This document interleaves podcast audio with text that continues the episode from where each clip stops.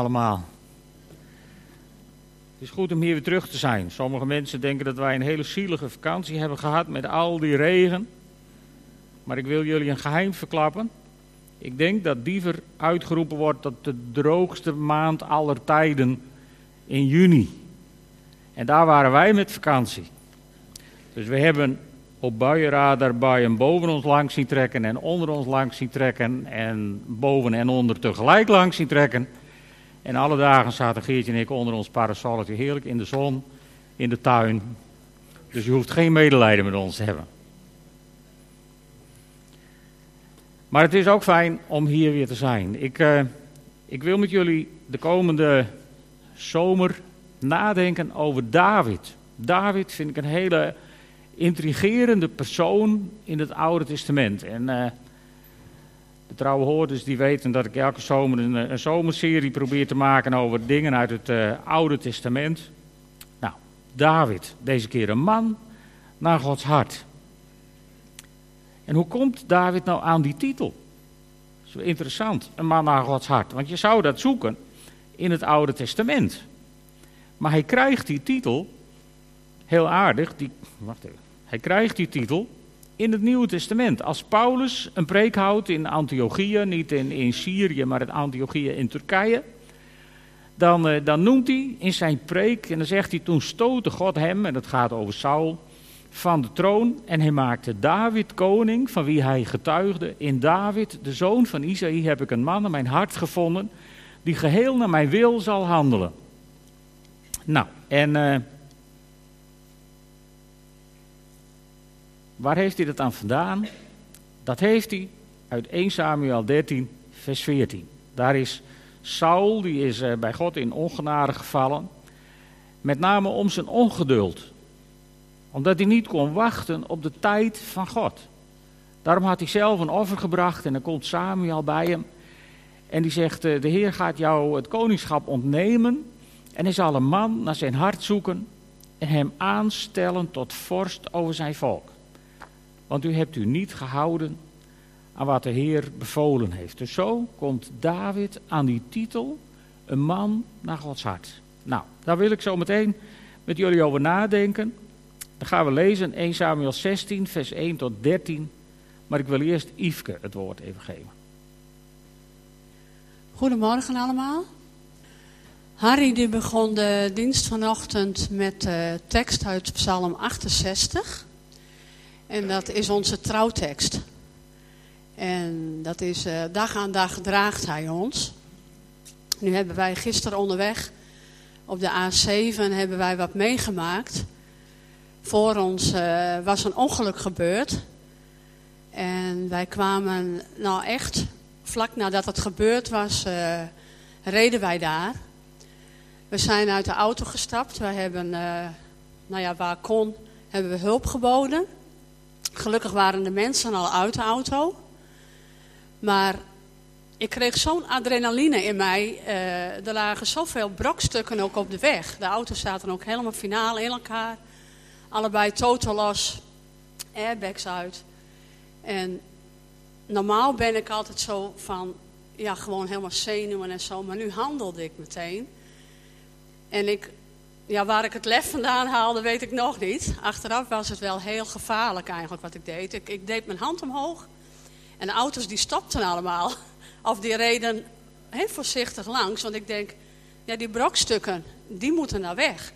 Anders heb je nog veel meer ongelukken. En toen begon Harry met die tekst en toen dacht ik van, ja, dag aan dag draagt hij ons.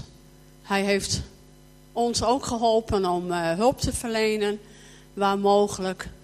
En uh, nou ja, hij heeft ook mij geholpen op de snelweg. Geweldig. dat het allemaal uh, goed gegaan is. Dat er verder geen ongelukken meer gebeurd zijn.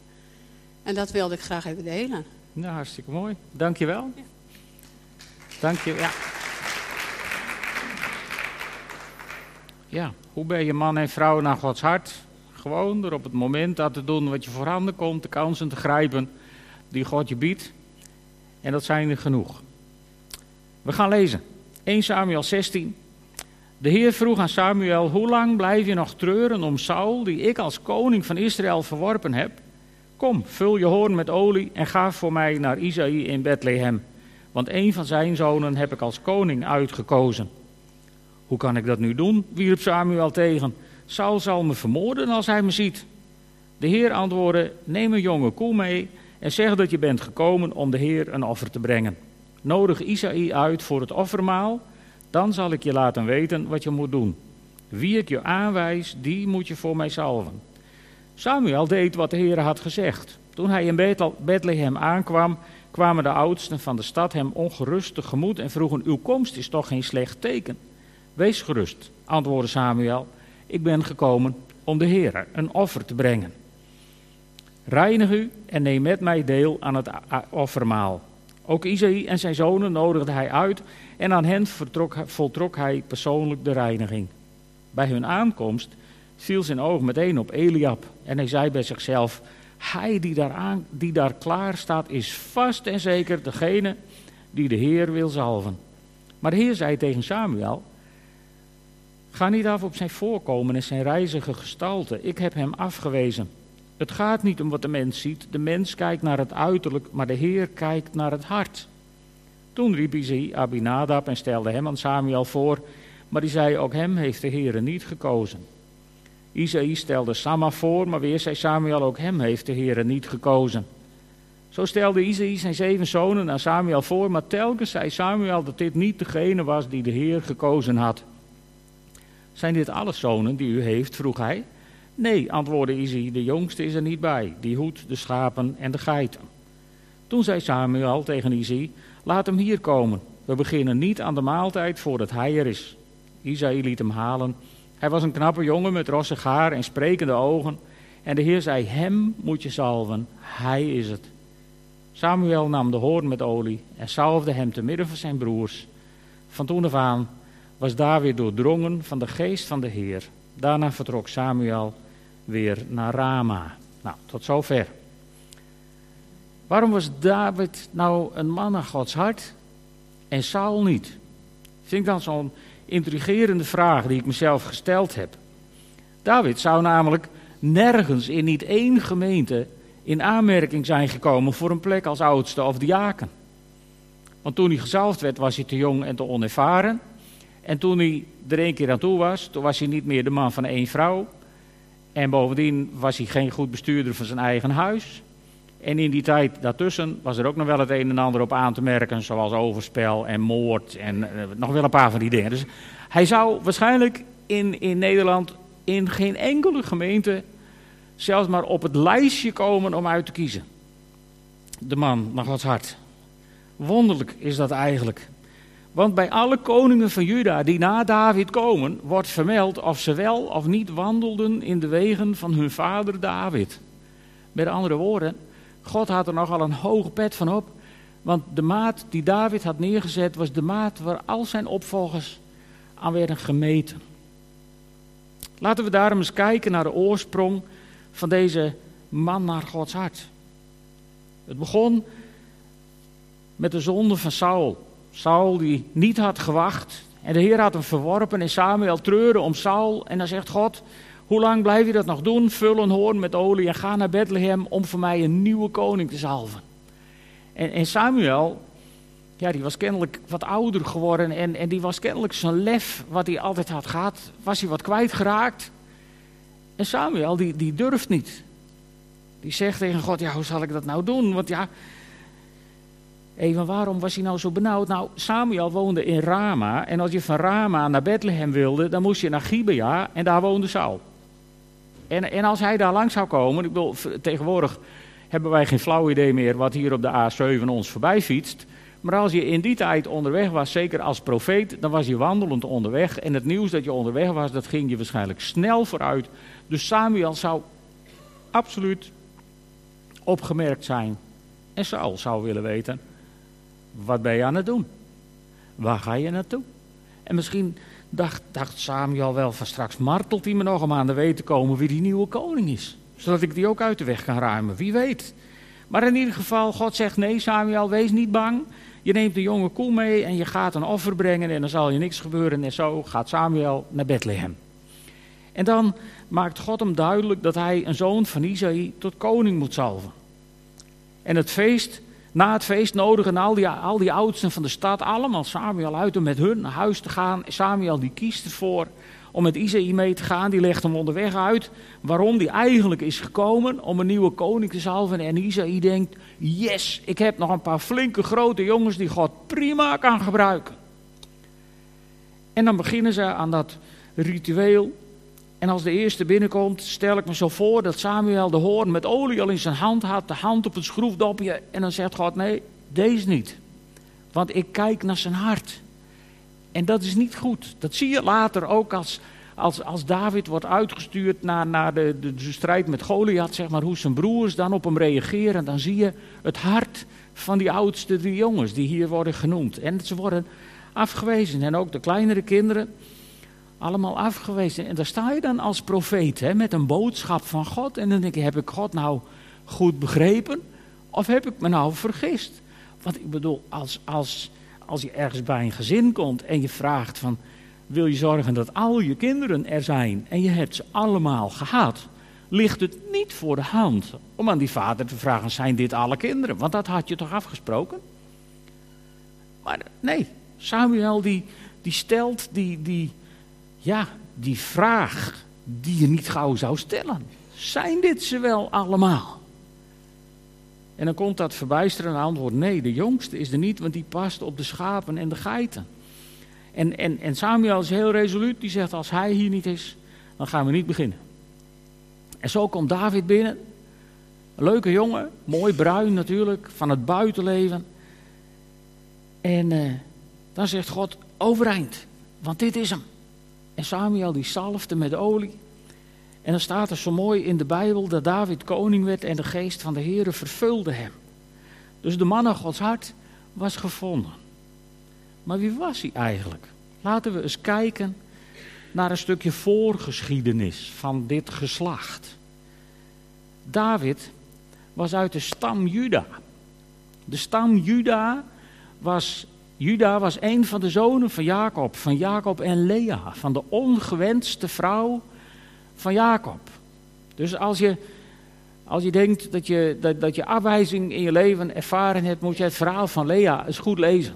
Dit is het topverhaal in de Bijbel van afgewezen zijn en, en, en, en nou, misbruikt worden, zou ik bijna zeggen. En, en daar komt hij uit voort. En Lea die krijgt een aantal kinderen en als ze de vierde zoon krijgt, dan staat dat zo mooi in Genesis 29, vers 35. Nog één keer werd ze, Lea dus, zwanger en ze bracht een zoon ter wereld. Nu zal ik de Heere loven, riep ze uit en ze noemde hem Juda. En daarom is, is Juda in de Bijbel synoniem voor alles wat met lofprijs en aanbidding te maken heeft. En als er één man in de Bijbel is die dat waargemaakt heeft, is het David, de schrijver van de helft van het psalmboek. Dus daar was hij één van. Juda, een lofprijzer. Maar in die familie, daar zat een hele gekke dubbele moraal. Want Juda, die had, die had drie zonen. En zijn oudste zoon, die trouwde met een heidense vrouw, Tamar. En dan gaat die oudste zoon dood zonder dat hij kinderen heeft. En zoals het in die tijd was voorgeschreven, moest dus de tweede zoon, bij haar een kind verwekken op naam van de oudste zoon om dat geslacht in stand te houden. En ja, die middelste die denkt, daar heb ik geen zin aan, dus die regelt dat anders. En die wordt door de Heer gestraft, dus die gaat ook dood. En dan denkt Juda, ja, nou heb ik nog één zoon, als ik die ook aan haar geef, gaat die ook dood. Dus dat gaan we niet doen. En Juda die stuurt haar tegen alle regels in, stuurt hij haar terug naar huis. Maar ik zei zo net al, je reisde in die tijd niet ongemerkt. Dus op een dag is Juda met een vriend is die onderweg en Tamar die krijgt dat te horen in het stadje waar ze woont. En die gaat, die gaat langs de snelweg zitten, zeg maar, verkleed als prostituee. En Juda, die ziet haar zitten, die denkt, lekker ding. Die heeft niet in de gaten dat het zijn schoondochter is en die wil gebruik maken van haar diensten, staat het staat het zo mooi in de Bijbel. Hè? Toen hij haar zag, hield hij haar voor een hoer, want haar gezicht was bedekt. Hij sloeg de zijweg en ging naar haar toe. Ik wil van je diensten gebruik maken, zei hij, niet wetend dat het zijn schoondochter was. En dan blijkt een tijdje later dat de schoondochter zwanger is. En dan vertellen ze dat aan Juda, dat Tamar zich als een hoer had gedragen. En dan zegt hij, breng haar de stad uit, ze moet verbrand worden. De huigelaar. Ik, ik, moet hierbij ook altijd denken aan het verhaal uit Johannes 8. Weet je, van die vrouw op overspel betrapt. Nou is, is mijn, mijn, mijn seksuele kennis reikt niet verder dan dat dat een spel is voor minimaal twee personen. Dus hoe het kan dat je één persoon op overspel, op heterdaad betrapt, is mij tot de dag van vandaag een raadsel. Daar zit ook die dubbele moraal in. En, en, en, en alleen is de zoon van Juda die het antwoord zeggen heeft van een heel ander kaliber dan Juda zelf. Want Jezus zegt daar, joh, ik veroordeel je ook niet. Maar Juda is gauw klaar met zijn oordeel. Ze moeten de stad uit, ze moeten verbrand worden. Zij wel, maar hij, ja, hoe krom kan het zijn? Ook dit zat in het geslacht van David. Dit kom je ook later wel een beetje tegen bij, bij Bathseba. Als David heel verontwaardigd is over het verhaal van de profeet Nathan. En eigenlijk zijn eigen wangedrag probeert weg te moffelen. Ook daar zie je dat een beetje terug. Zit in de familie. Maar toch, ondanks dit verhaal, wordt korte tijd later, als Jacob gaat sterven, de profetie uitgesproken dat Juda zal heersen over zijn broeders.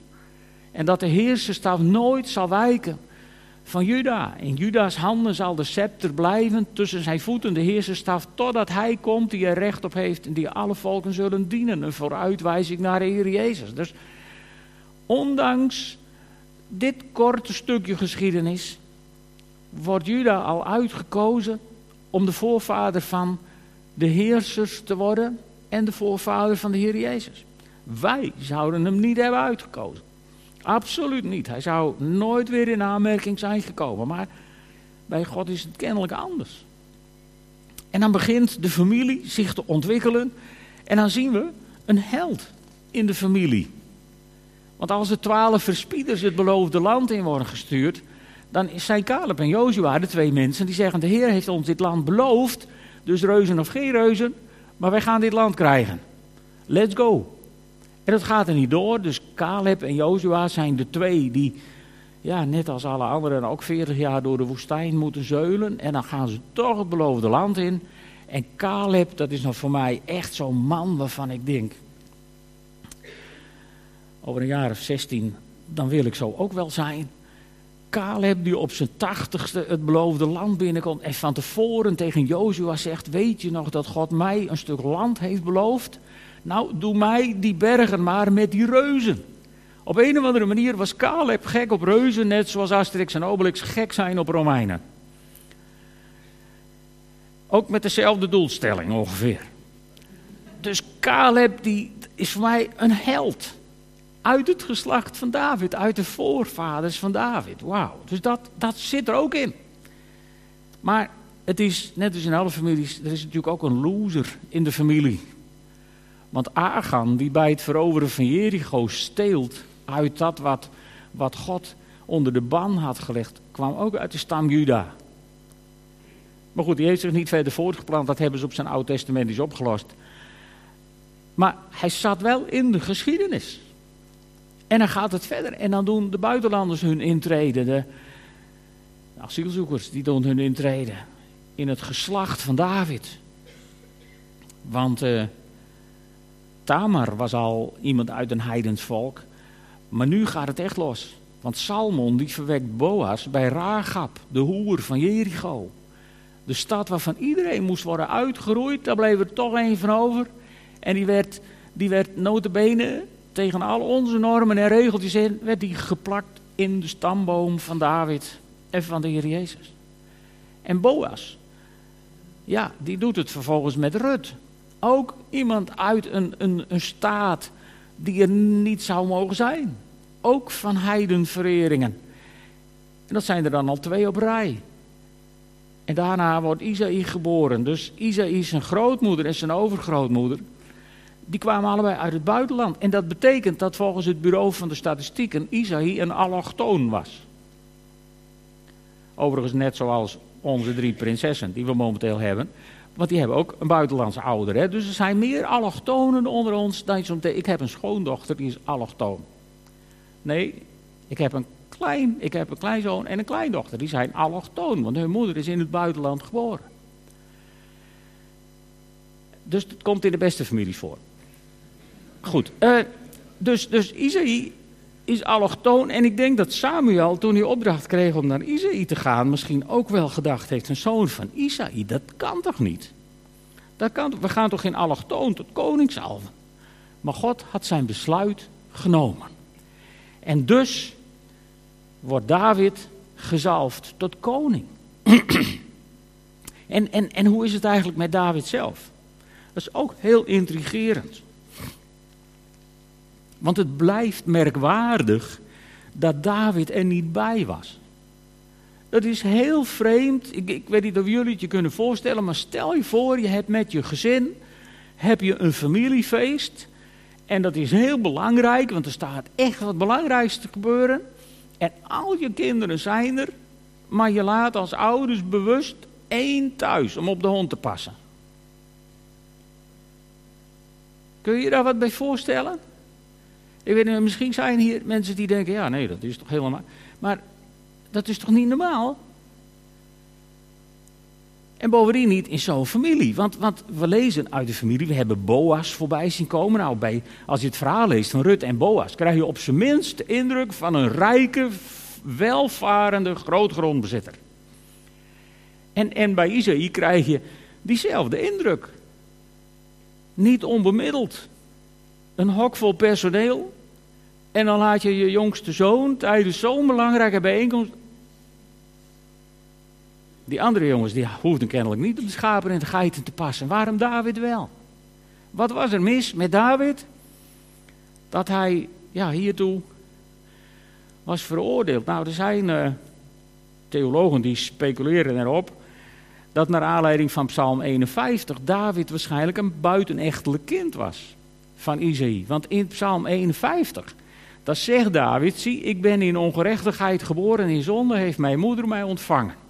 Nou, in, in, in doopformulieren van uh, met name kinderdopende kerken komt dat zinnetje voor dat de kinderen in zonde ontvangen en geboren zijn. Dat lenen we uit Psalm 51. Maar toen David dit schreef, was het begrip erfzonde nog niet uitgevonden. Dus dat kan het gewoon niet betekenen. En, en met alle respect, maar als je, als je als man en vrouw van elkaar houdt en je wilt graag een kindje, en, en, en je neemt je maatregelen om dat kindje te verwekken, dat is geen zonde. Dat is een goddelijke opdracht. Ga heen en vermenigvuldig je. Dus daar is niks zondigs aan. En, en, bevallen van een zoon of een dochter is volgens mij ook niet zondig. Dus hoezo in zonde ontvangen en geboren? Er moet iets mis zijn in die familie waarom David er niet bij was. Maar goed, de Bijbel zegt er verder niks over. Dus ik ook niet. Maar het geeft wel te denken. En het zou ook in het familieplaatje passen. Goed, nou ga ik daarover op. David. Maar weet je, wat mij blijft intrigeren, is dat David dus uit zo'n familie wordt uitgekozen. En ik, persoonlijk denk ik dat, dat de oudere broers misschien wel hebben gedacht van, nou David, een beetje dromer, weet je. Zo'n figuur van, van iedereen hard aan het werk en hij een beetje prutsen met zijn gitaar. Zo'n zo'n typeje was David. Schrijft wat liedjes daar in het veld. En, en nou, ik denk dat ze, het was geen kerel in de zin van wat de andere kerels ondernamen, weet je. Het is niet persoonlijk bedoeld, familie verder, maar... Maar hij was, hij was een buitenbeentje. Hij stond er een beetje naast. Maar zo zie je als je dit zo op een rijtje zet, dat, Jezus, dat David en Jezus dus veel zondaren en vreemdelingen in hun voorgeslacht hebben. En daardoor ben ik tot de conclusie gekomen dat wij ook de mogelijkheid hebben om tot de familie van Jezus Christus te behoren. Daarvoor, eh, daarvoor hoef je geen Jood te worden, of katholiek, of protestant, of baptist, of wat dan ook. Maar gewoon zondaar en vreemdeling. Nou, en dat zijn we al. Dus ook wij komen in aanmerking om in de familie van Jezus Christus te worden opgenomen en deel te hebben aan het offer van de zoon van David aan het kruis op Golgotha. een geweldige bemoediging als je zo hier naar kijkt. En, en, en ik heb me afgevraagd, wat maakte David dan tot de man naar Gods hart? Want daar hebben we nog steeds geen antwoord op gevonden. Nou, het betekent in ieder geval niet dat David zonder zonde was. En dat hij geen fouten maakte. En dat hij van zijn leven niet een puinhoop had gemaakt. Want dat had hij. En toch was hij de man naar Gods hart. Het betekent, of, of volgens mij is David een man naar Gods hart. Omdat hij wist waar hij naartoe moest met de brokstukken van zijn leven. We zien voor David koning Saul. En koning Saul die wacht niet op de profeet zoals afgesproken. Die valt in zonde. En als Samuel dan komt van wat heb je gedaan? Ja, de soldaten lopen weg, de Filistijnen trokken op en jij kwam te laat. Saul was de man van de zondebokken, of de zondegeiten. En, en, en, en David is de man die dan in Psalm 51 als Nathan bij hem is geweest nadat hij met Bathseba heeft geslapen. Dat staat zelfs boven de psalm, het dieptepunt van het leven van koning David. Dan schrijft hij misschien wel het hoogtepunt uit het psalmboek. En dat begint zo mooi, wees mij genade, God in uw trouw. U bent vol erbarmen, doe mijn daden teniet. En dat is geen, geen, geen poging van David van Sander over. Want kijk maar, hij gaat nog veel verder. Was mij schoon van alle schuld, reinig mij van mijn zonden, want ik ken mijn wandaden. Ik ben mij steeds van mijn zonden bewust. Tegen u, tegen u alleen heb ik gezondigd. Ik heb gedaan wat slecht is in uw ogen. En dan geeft hij zich over in de handen van God. En dan zegt hij, laat uw uitspraak rechtvaardig zijn en uw oordeel zuiver. Dit is de man naar Gods hart. Die een puinhoop maakte van zijn eigen leven. Maar die wist waar hij met de brokstukken naartoe ging. Waar hij met de brokstukken naartoe mocht. En dit was niet de man die allemaal zondebokken zocht. En probeerde het te vergoeilijken. Van, ja, ik kon er ook niks aan doen. Had die Batseba maar niet bloot in de tuin moeten staan. Nee, hij weet waar hij moet zijn. Hij buigt zich voor God. En hij schrijft aan Psalm 51, waar we ook dat prachtige lied uit, uit kennen. Create in me a clean heart. Hè.